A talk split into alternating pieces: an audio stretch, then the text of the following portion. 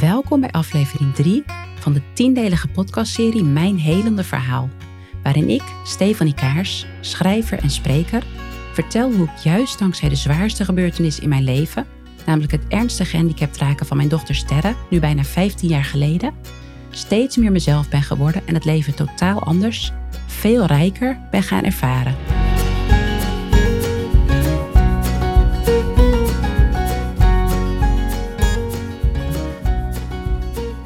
Elke week moeten wij met Sterre naar een kinderfysiotherapeut in het streekziekenhuis. Omdat Sterres motorische ontwikkeling waarschijnlijk moeizaam gaat verlopen, hebben we al afspraken met de kinderfysio sinds Sterre twee weken oud is. We krijgen tips hoe we Sterre moeten dragen en hoe we haar af en toe op haar buikje kunnen leggen, zodat ze langzaam kan proberen om haar hoofdje op te richten. Drie maanden na Sterres geboorte hebben we ook de eerste vervolgafspraak met de kinderneuroloog in het academische ziekenhuis. Wij vinden dat het goed gaat met Sterre, want ze heeft geen convulsies meer gehad en ze kan nu drinken zonder zonde. Het uitblijven van convulsies is heel belangrijk, want kinderen met een start zoals Sterre hebben daarna nog jarenlang maar liefst 75% kans om epilepsie te ontwikkelen. Door de hersenschade liggen nieuwe epileptische aanvallen voortdurend op de loer. Dat is ons uitgelegd en iets waar we doodsbang voor zijn, omdat het Sterres ontwikkeling ernstig kan verstoren. Helaas is de kinderneuroloog niet positief. Sterre heeft houdings- en bewegingsafwijkingen en haar motorische ontwikkeling loopt achter, zegt zij na een kort onderzoekje. Ze is spastisch en heeft dus cerebrale parese, zoals we ook verwachten na de MRI-scan. Ze herhaalt dat de kans op nieuwe epileptische aanvallen de komende jaren 75% blijft. Sterre zou haar handjes al meer open moeten houden en haar hoofd moeten kunnen oprichten, legt de kinderneuroloog kort uit. Ze heeft meer spierspanning dan normaal en haar reflexen zijn hoog. De spieren zijn snel geprikkeld en door de hersenschade heeft ze trillingen in haar voetjes. Er kan nu niets meer herstellen. De hersencellen die eerst nog grijs waren, hebben besloten om te blijven leven of dood te gaan. Over een half jaar heeft het zin om een revalidatiearts in te schakelen. Dan zijn er hulpmiddelen nodig omdat Sterre niet los kan zitten. Ik raad jullie af om cerebrale parese te googelen. Met deze boodschap worden wij na 10 minuten de spreekkamer uitgelaten. Mark en ik lopen terug naar de auto en het lijkt alsof we opnieuw in elkaar zijn geslagen. Is Sterre echt spastisch? Ben ik de moeder van een spastisch meisje? Ze zeggen wel eens dat de klap later komt en nu begrijp ik wat dat betekent. Natuurlijk heb ik gehoord wat er op 2 januari is gezegd, maar deze boodschap is ook na drie maanden nog nauwelijks te bevatten en niet ingedaald. Na mijn zwangerschapsverlof zou ik weer aan het werk gaan, maar ik kan niet anders dan me ziek melden. Ik ben een wrak, net zoals mijn man, kind en onze toekomst. Mark probeert aan de slag te gaan, maar ook hij zit al gauw weer thuis. Door wat hij heeft gezien en meegemaakt kan hij zich niet meer concentreren. Hij heeft blackouts. In de supermarkt vergeet hij welke boodschap hij moet kopen. En feiten, zoals verjaardagen van vrienden die hij eerder uit zijn hoofd kende, zijn sinds reanimatie uit zijn brein gevaagd. Hij wast ook voortdurend dwangmatig zijn handen, zoals wij op de IC moesten doen. Niemand noemt het woord posttraumatische stress, maar met terugwerkende kracht beseffen wij dat Mark en ik daar veel last van hadden. Om nog een beetje contact te houden met de buitenwereld, houdt Mark mensen uit onze omgeving via de mail op de hoogte van onze situatie. Mark wordt bijna 30, maar het feest dat we eerder planden, zeggen we af. We zitten vast in onze traumatische bubbel. Door de trillingen in haar voetjes die steeds spontaan beginnen, Clonus is de neurologische naam, kan Sterre niet in haar eigen bedje slapen. Alleen op onze buiken wordt ze niet om de haverklap wakker van die onwillekeurige bewegingen. We liggen dus uren met sterren op onze buiken. Alles zou ik voor je geven, fluistert Mark als sterren op hem slaapt. Mijn hele lichaam, zelfs mijn leven. Je bent alles wat ik ooit heb durven dromen. En meer, je bent meer. Zachtjes stromen de tranen over zijn wangen. Gelukkig is er begrip vanuit mijn arboarts en vanuit Marks werk. Er zijn ook mensen met minder begrip. Als Mark terugkomt van een bezoek aan de boerderij van een vriend van zijn vader, zie ik dat hij van slag is. Pas veel later vertelt hij me wat de boer heeft gezegd. Had Sterre laten gaan, Mark, had haar laten gaan, zei de boer. Stephanie was zo weer zwanger geweest. In zijn ogen is Sterre zonder perspectief. Mark schrijft over deze woorden. Het verscheurde me wat de boer zei. Zo'n grote man, fysiek oersterk, maar zo onbewust. Sterre, mijn dochter, blaast deze man omver met enkel haar blik. Ik kan het niet mooier verwoorden. Er zijn ook mensen die vinden dat wij een juridische procedure moeten starten tegen het streekziekenhuis. Dat een baby vlak na de geboorte zo beschadigd kan raken in deze tijd, in Nederland, dat kan toch niet, zeggen zij. Hoewel Mark en ik uren kennen waarin we heel boos zijn, woedend, denken we hier toch anders over. Er is tijdens mijn bevalling voor ons gevoel geen aanwijsbare fout gemaakt. In het academische ziekenhuis kon geen arts vaststellen hoe het kan dat Sterre drie kwartier na haar geboorte een ademstilstand kreeg. De reactie van dokter K, de gynaecoloog die Sterre ter wereld bracht, helpt ons ook. Hij kwam bij ons langs in het academische ziekenhuis, zei toen dat hij alle gegevens had nagekeken en niet wist waar het fout is gegaan. Hij liep huilend bij ons weg. Toch zitten ons ook dingen dwars. Wij willen heel graag met de verpleegkundige praten die Sterre heeft gereanimeerd, en met de andere verpleegkundige, de enige andere professional die oudejaarsavond op de afdeling was en die Mark zelf op de gang moest roepen. Maar we krijgen te horen dat dat niet mag. De gebeurtenis van oudejaarsavond is intern besproken met de betrokkenen en daarmee is onze casus voor het ziekenhuis afgesloten. Uiteindelijk schrijf ik zelf toch een brief naar de verpleegkundige die Sterra reanimeerde. En haar antwoord lees ik dus dat zij al diezelfde nacht haar excuses heeft aangeboden voor haar opmerking over het dooddrukken. Ook schrijft ze dat zij de nacht van Sterres geboorte net zo min heeft kunnen loslaten als wij en geen idee had dat wij met haar wilden praten. Een grote miscommunicatie dus. Troost komt uit onverwachte hoek. Tot mijn verbazing vind ik een mail van een verpleegkundige van het reanimatieteam in mijn inbox. Hij heeft voor zichzelf de avond van Sterres geboorte beschreven en deelt zijn verslag met mij. Ik lees dit nu voor uit mijn boek Gefeliciteerd, het is een gehandicapt kindje. Op 31 december begon ik om half elf s avonds, een uur eerder in verband met oudejaarsavond, aan mijn nachtdienst als verpleegkundige op de spoedeisende hulp. Het was al redelijk druk en mensen wilden natuurlijk graag snel weer terug naar huis of het feestje waar ze op dat moment verbleven. Ik stopte de reanimatiepieper in mijn zak. In elke dienst dragen een aantal verpleegkundigen en artsen zo'n pieper. Bij een reanimatie ergens in het ziekenhuis vormen deze mensen het reanimatieteam. Om ongeveer één minuut voor twaalf lukte het, ondanks de drukte, bijna om iedereen even bij elkaar te krijgen. Ook op onze afdeling vieren we nieuwjaar. En dus aftellen, elkaar gelukkig nieuwjaar wensen. En er werd zelfs een flesje kinderchampagne ontkurkt om het geheel een beetje op te luisteren. Ik geloof dat ongeveer twee minuten erna mijn reanimatiepieper afging. Ik was een beetje verbouwereerd. Buiten ging het vuurwerk nog af. Was dit een slechte grap of een valse melding?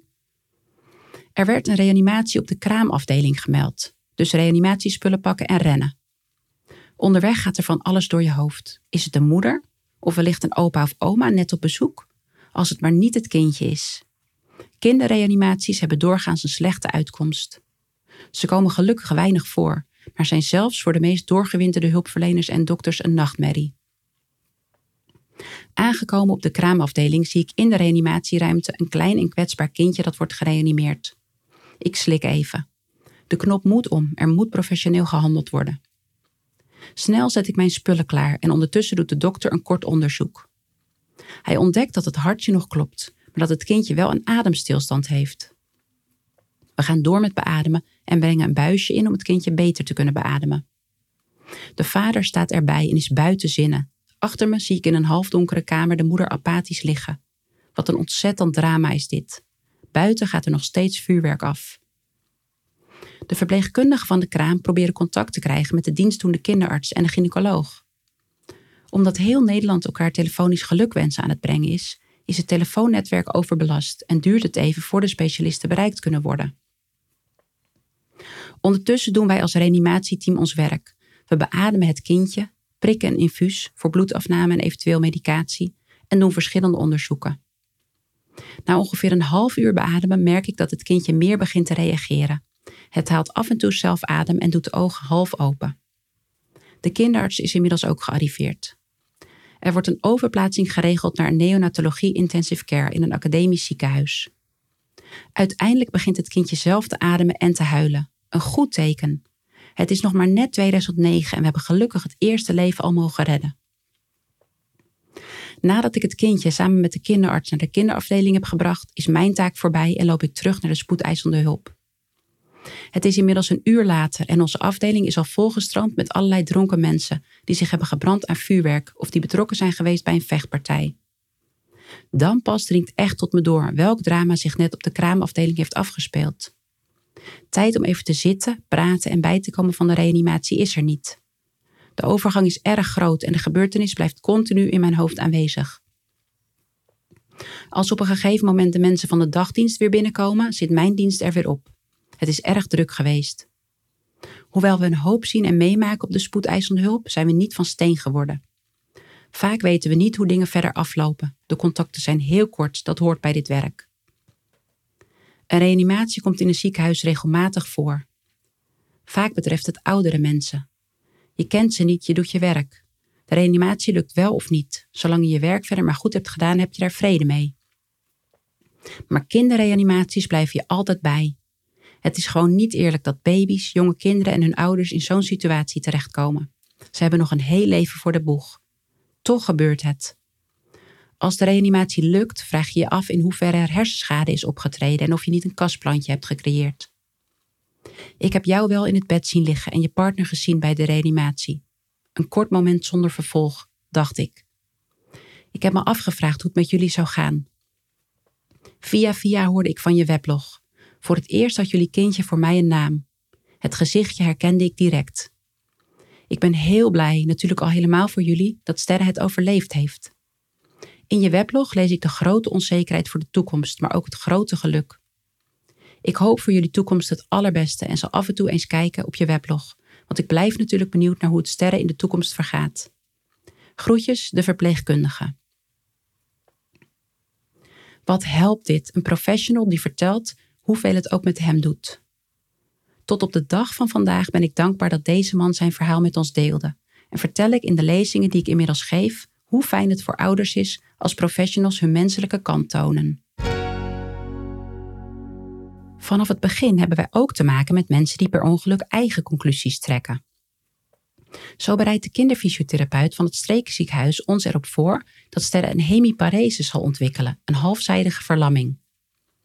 Vanaf zes maanden gaan we volgens haar zien dat Sterre haar ene armpje gebogen tegen haar lichaam gaat houden en het bijbehorende handje niet meer kan openen. Mark en ik observeren onze baby elke dag en wachten bang af tot dit gaat gebeuren. De fysio regelt zelfs dat we een keer mogen meekijken bij de therapie van een meisje van ruim een jaar met zo'n hemiparese.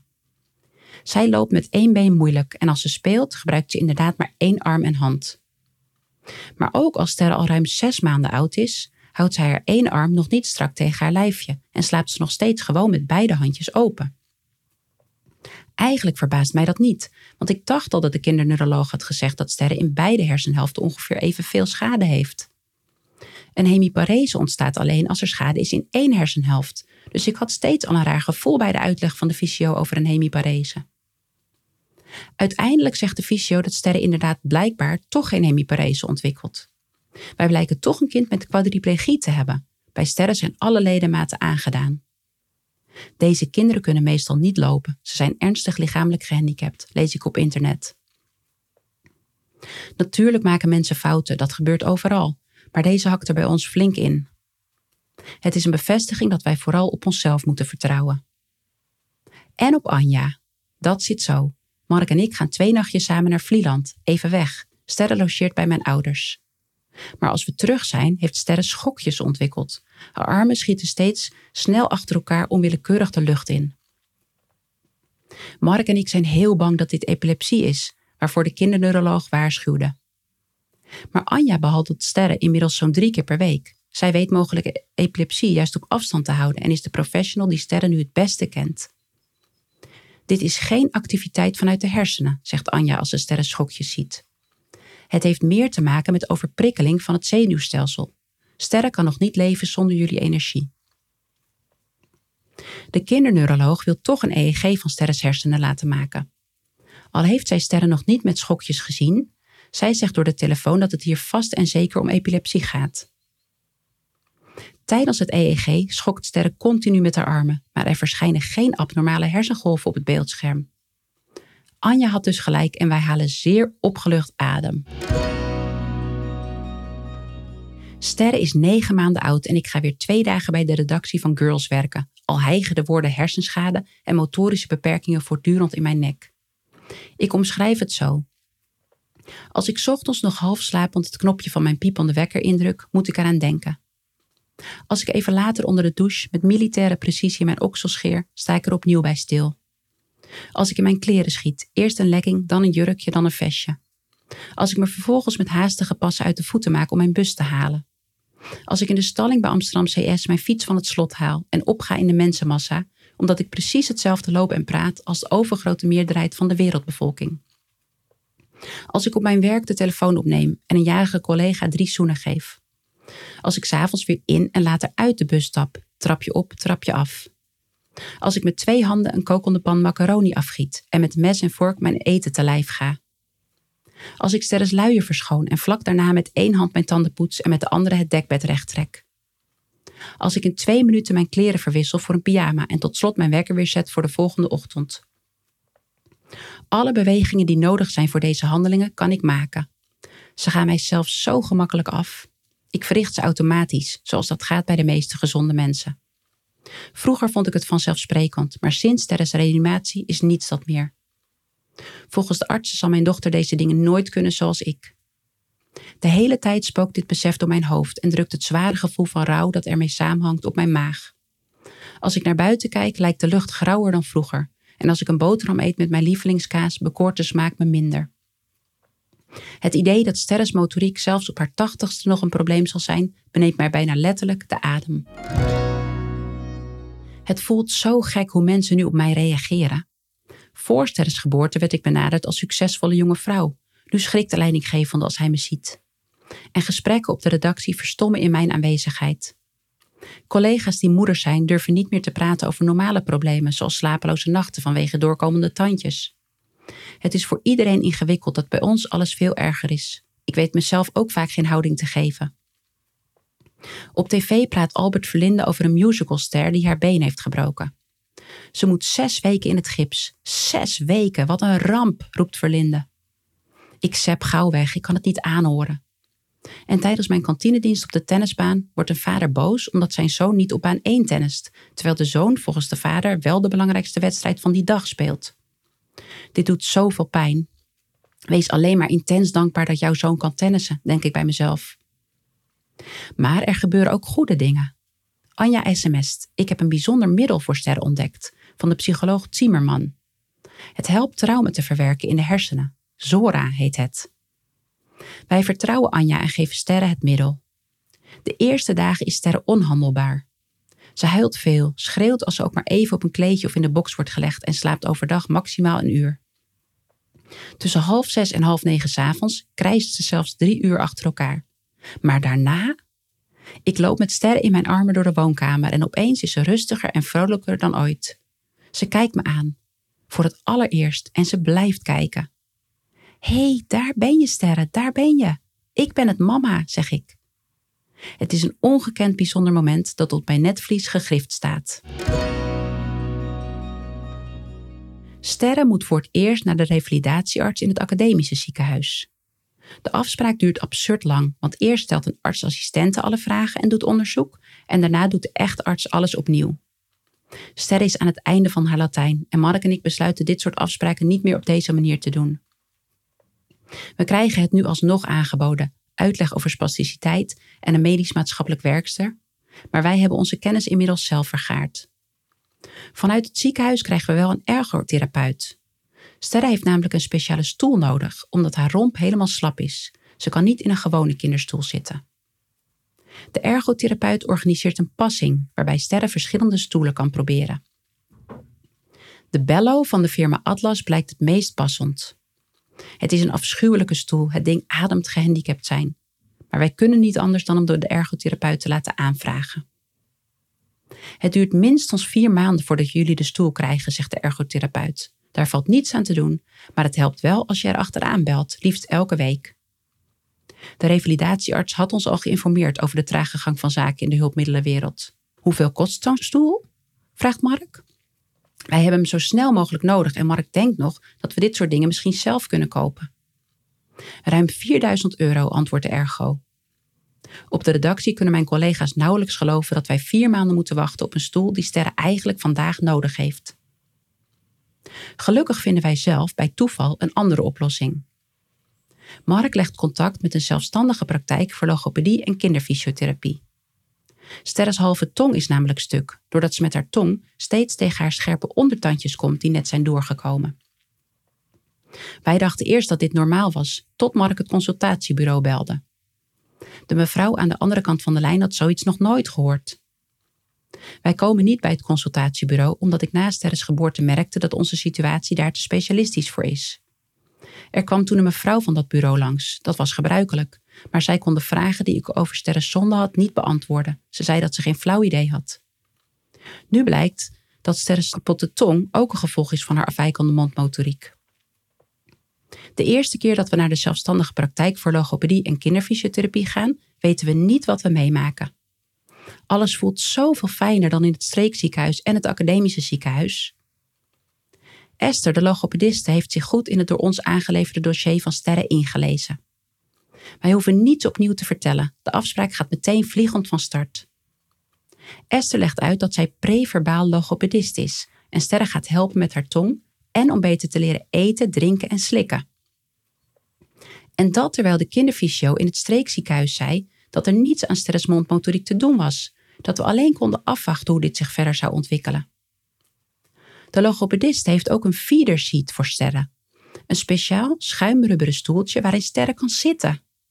Het kost 1500 euro, maar wij mogen hem meteen lenen. We krijgen het zo mee naar huis.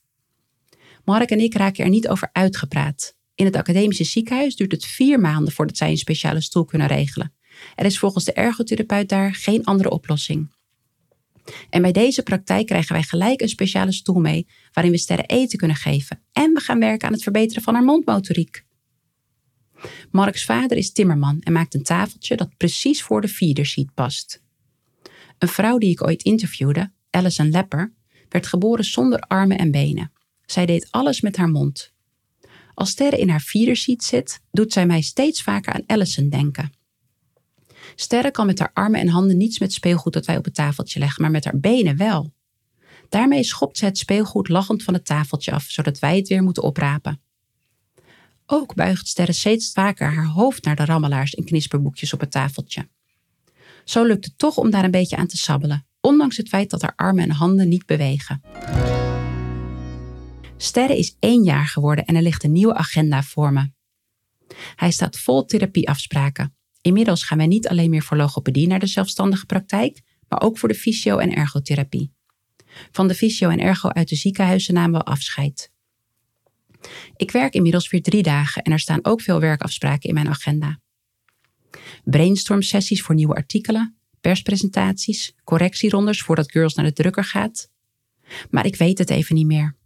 Mijn werk betekende altijd zoveel voor mij. Binnen een paar jaar zou ik hoofdredacteur proberen te worden, mijn droombaan. Maar nu twijfel ik. Door sterren. De dokters zeggen dat zij nooit zal kunnen lopen en praten. Hoewel ik dat steeds minder geloof en diep van binnen, ver weg, maar toch sterk, het gevoel heb dat het niet hoeft te kloppen, zie ik in dat zij zwaar is beschadigd. Daardoor doet niets anders er meer toe. Doelbewust pak ik een gele post-it en plak die voor in mijn agenda. Als mijn kind niet kan lopen en praten, wil ik hier dan nog wel zijn? schrijf ik erop. Ik weet zelf niet of ik met hier alleen op deze werkplek bedoel, of misschien wel dit hele leven op aarde. Ik geef mezelf een jaar om erover na te denken. Mijn boek Gefeliciteerd, het is een gehandicapt kindje komt uit. Ik kon niet anders dan dit boek schrijven. Het was voor mij de enige manier om ook maar een klein beetje te kunnen bevatten wat wij hebben meegemaakt. Ik geef hierover een interview aan een landelijke krant. De visagiste die mij opmaakt voor de bijbehorende fotoshoot zegt iets wat ik niet meer vergeet. Je doet dit niet alleen jezelf, maar ook je familie aan, zegt ze verwijtend, terwijl ze met een hoofdknik richting Sterre wijst, die onschuldig in haar speciale stoel aan tafel zit. Ik weet niet wat ik hoor. Ook zij heeft blijkbaar haar eigen verhaal gevormd, naar aanleiding van wat ze over ons heeft gehoord. Alsof wij er willens en wetens voor hebben gekozen om een gehandicapt kind op de wereld te zetten. En dan nog, stel dat ik zwanger was geweest van een kind met aangeboren beperkingen, had ik het dan sowieso meteen moeten laten weghalen? Ik weet geen woord terug te zeggen. Dan onthult de visagiste haar eigen verhaal. Zij was ooit zwanger, ze was al in de veertig. Ze liet een vruchtwaterpunctie doen en al was het uitgelegd, ze er geen seconde rekening mee dat die test risico's met zich meebrengt. De uitslag van de vruchtwaterpunctie was goed, haar kind leek gezond, maar ze kreeg een late miskraam, hoogstwaarschijnlijk door de punctie. Daarna lukte het niet meer om zwanger te worden. Ze zou nooit moeder worden van een levend kindje. Onlangs las ik de volgende zin in het boek Houden van dingen die niet perfect zijn van de boeddhistische monnik Haimin Sunim. Mensen uiten hun verlangen soms door middel van haat. Dat deed deze vrouw ook. Een ander fragment uit Sunims boek vind ik net zo van toepassing. Het is moeilijk om de dingen te herkennen zoals ze werkelijk zijn, omdat we, wanneer we iets horen, afgaan op ervaringen uit het verleden om het te begrijpen. Tien mensen die hetzelfde verhaal horen, zullen het op een andere manier interpreteren omdat zij zich door hun eigen geschiedenis op andere aspecten richten. Heel mooi en herkenbaar. Twee momenten blijven mij bij van onze eerste vakantie met z'n drietjes. Mark, Sterre en ik vliegen voor een week naar Mallorca en we huilen alle drie veel, maar twee keer kunnen we lachen. Als ik Sterre de fles geef, wat nog steeds moeizaam gaat met vele pauzes tussendoor, zing ik soms Poesje Mouw. Maar deze keer blijft Sterre de fles weigeren. Dan zeg ik, nou, het poesje zegt blijkbaar geen miauw vandaag. Tot mijn verbazing begint Sterre te lachen. Als ik het herhaal, lacht ze nog harder. Het poesje zegt geen miauw, absoluut niet, herhaal ik weer. Sterre krijgt voor het eerst de slappe lach. Ik weet nog niet dat humor later vaak de sleutel zal blijken om Sterre uit de ergste frustraties te halen. Mark is degene die mij op Mallorca aan het lachen maakt. We gaan naar een groot aquarium, maar op de terugweg moeten we keihard over het strand rennen om de laatste bus naar het hotel te halen. Mark rent voorop, Sterre vooruitduwend in haar aangepaste wandelwagen, haar tweede hulpmiddel wat duizenden euro's kost en waar we lang op moesten wachten. Ik ren erachteraan en Mark wordt steeds meliger. Aan de kant, wij zijn gehandicapt, we are disabled, roept hij tegen verbaasd kijkende badgasten. Aan de kant allemaal. Ik kom niet meer bij. Dit is de eerste keer dat we alle spanning even loslaten. Na de vakantie wacht ons een nieuwe stap. Sterre moet naar een therapeutische peutergroep. Zo blijkt dat te gaan bij gehandicapte kindjes. Mark en ik gaan kijken bij een revalidatiecentrum dat heel goed staat aangeschreven. Al is Sterre nog een dreumes, binnenkort zou ze daar drie ochtenden per week welkom zijn. Ik schrijf hierover. Met elke stap die ons dichter bij de afdeling vroegbehandeling brengt, wordt de steen die al sinds gisteravond op mijn maag ligt zwaarder. In de ziekenhuisachtige gangen passeren we meer mensen in rolstoelen dan mensen die allebei hun benen nog hebben en ermee kunnen lopen. De vorige keer dat ik hier was, had ik een interview met een meisje van 16 dat op een zandbank was gedoken en een hoge dwarslesie opliep.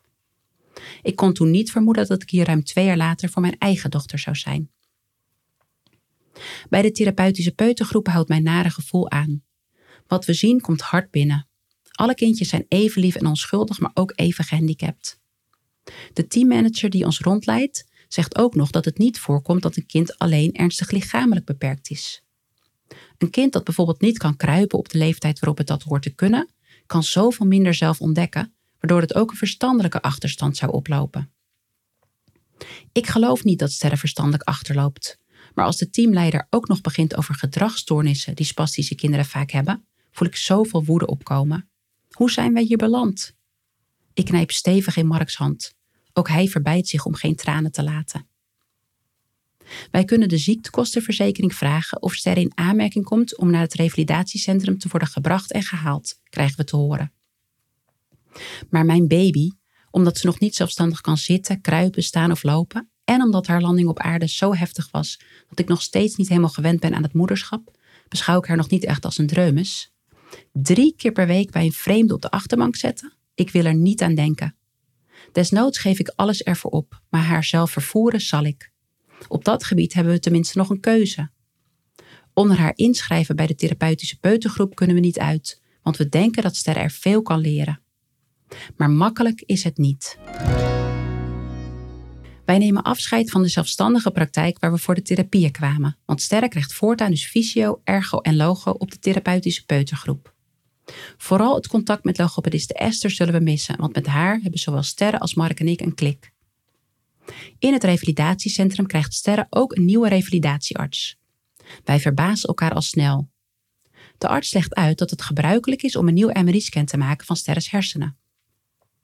Er kan nu namelijk geen herstel meer optreden en dan wordt bekeken hoe de daadwerkelijke schade eruit ziet. Maar een MRI-scan maken van een dreumes is niet niks. Sterren moet daarvoor onder narcose. Wij willen Sterren niet aan zo'n onderzoek blootstellen. Inmiddels heb ik ook alles gelezen over hersenschade wat ik kon vinden. En ik weet nu dat op basis van zichtbare hersenschade nauwelijks voorspellingen kunnen worden gedaan.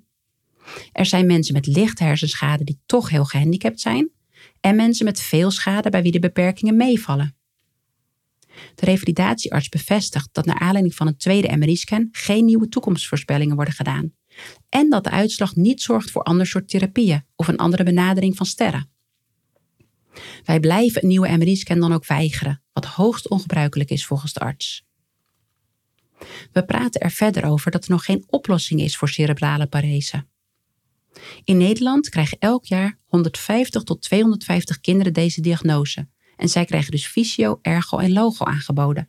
Maar de hersenschade kan niet worden genezen. De oplossing voor CP moet van ouders komen, zegt de arts. Ouders hebben de grootste motivatie. Als ik terugrijd naar huis, word ik steeds bozer. Het voelt zo eenzaam dat blijkbaar niemand uit de Nederlandse medische wereld ons echt kan helpen.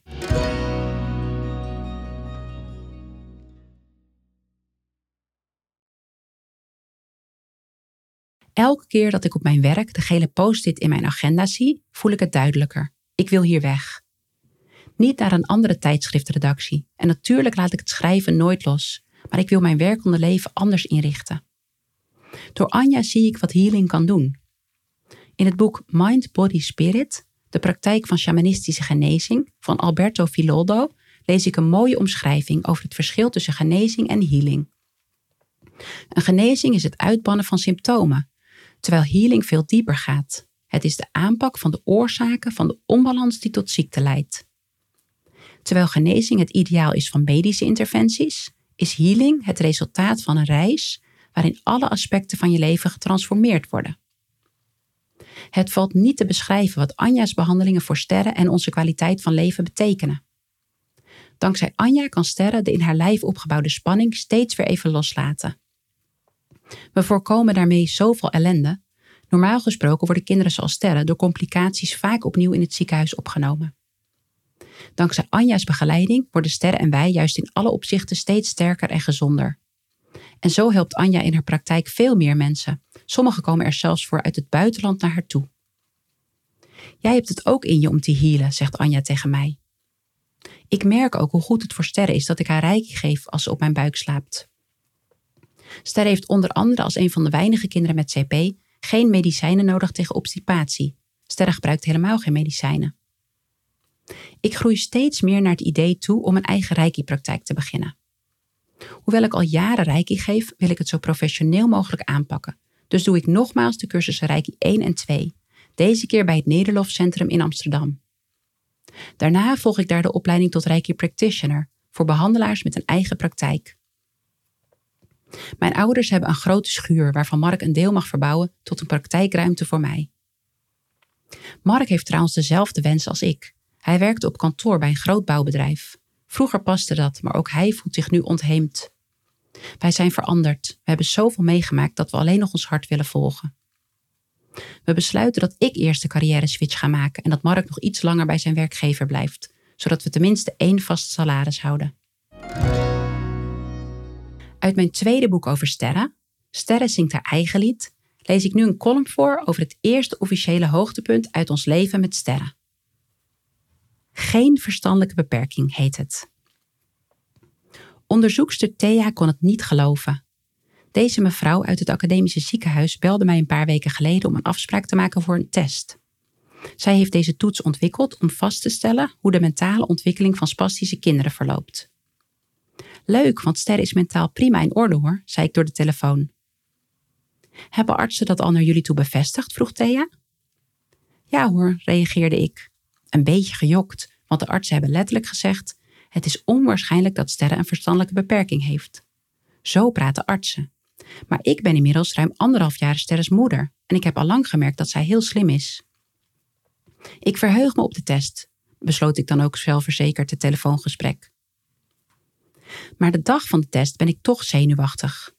Thea komt naar ons huis, maar zal Sterre wel goed meewerken? Stel dat ze er niets aan vindt en alleen maar gaat huilen. En wat als ze net moe of chagrijnig is en dat de uitslag negatief beïnvloedt? Moeten wij dan nog langer aanhoren dat het niet zeker is dat Sterre bij de groep kinderen met CP hoort die alleen lichamelijk gehandicapt zijn? Als Thea haar kopje koffie op heeft, doet ze eerst twee voortestjes met Sterre. Ik moet acht voorwerpen pakken die zij goed kent, zoals een broek, jas, boekje, dvd en wat speelgoed. Thea houdt steeds twee dingen in de lucht en dan moet Sterre aanwijzen wat bijvoorbeeld de broek is. Sterre kan niet wijzen, maar doet dit door naar de broek te kijken. Thea vertelt dat een gezond kind van anderhalf minstens vijf dingen goed moet hebben. Sterre heeft ze alle acht goed. Bij het tweede voortestje krijgt zij dezelfde acht voorwerpen op foto's te zien. Dit keer gaat het dus niet om haar broek die ze met haar ogen moet aanwijzen, maar om een willekeurige broek op de foto. Ook deze keer heeft ze ze alle acht goed. Sterre verdient nu al twee punten en mag door naar de computertest, zegt Thea. Tijdens de computertest moet Sterre telkens kiezen tussen twee afbeeldingen op het beeldscherm. Er verschijnen steeds moeilijkere voorwerpen, zoals een stofzuiger, brievenbus en handdoeken. Later komt er een meisje in beeld dat verschillende dingen doet. Sterre moet aangeven wanneer dit kind drinkt, zich wast en met een pop speelt. Mijn dochter heeft keer op keer alles goed en ze vindt het een geweldig spel. Dus gaat Thea door met vragen voor 2 en 2,5-jarigen. Er verschijnen vier afbeeldingen op het scherm en één vraag is bijvoorbeeld: waarin kun je slapen? Sterre kijkt meteen naar het bed. Jij bent echt heel erg knap, besluit Thea bijna twee uur later de test, terwijl Sterre naar haar lacht. Dit kind moet overal bij worden betrokken en alles worden uitgelegd, want ze begrijpt alles, zegt ze tegen mij. Sterre heeft 34 punten gescoord en een gemiddeld gezond kind van haar leeftijd haalt er 22. Ze scoort dus bovengemiddeld op het gebied van taalbegrip. Met andere woorden, ze heeft geen verstandelijke beperking. Haar mentale ontwikkeling verloopt volgens het boekje. Al ben ik niet verbaasd, mijn gevoel van euforie is toch enorm. Ik vind het een heerlijk idee dat ik niet meer hoef te vechten tegen het vooroordeel dat alle kinderen met een hersenbeschadiging ook verstandelijk beperkt zouden zijn of zouden achterlopen. Dat ik niet langer meewarige blikken van artsen of ongelovigen hoef te incasseren als ik vertel dat ik zeker weet dat Sterre intelligent is, omdat dit nu zwart op wit staat. Mark en ik zijn dolgelukkig. Dit was aflevering 3 van Mijn Helende Verhaal. In aflevering 4, die aanstaande donderdag 16 november online komt, vertel ik hoe een paragnoste ons met sterren naar het buitenland verwijst en wat dit oplevert. Dankjewel voor het luisteren. Laat alsjeblieft een review achter en abonneer je op deze podcast als je niets wilt missen. Hopelijk tot de volgende aflevering.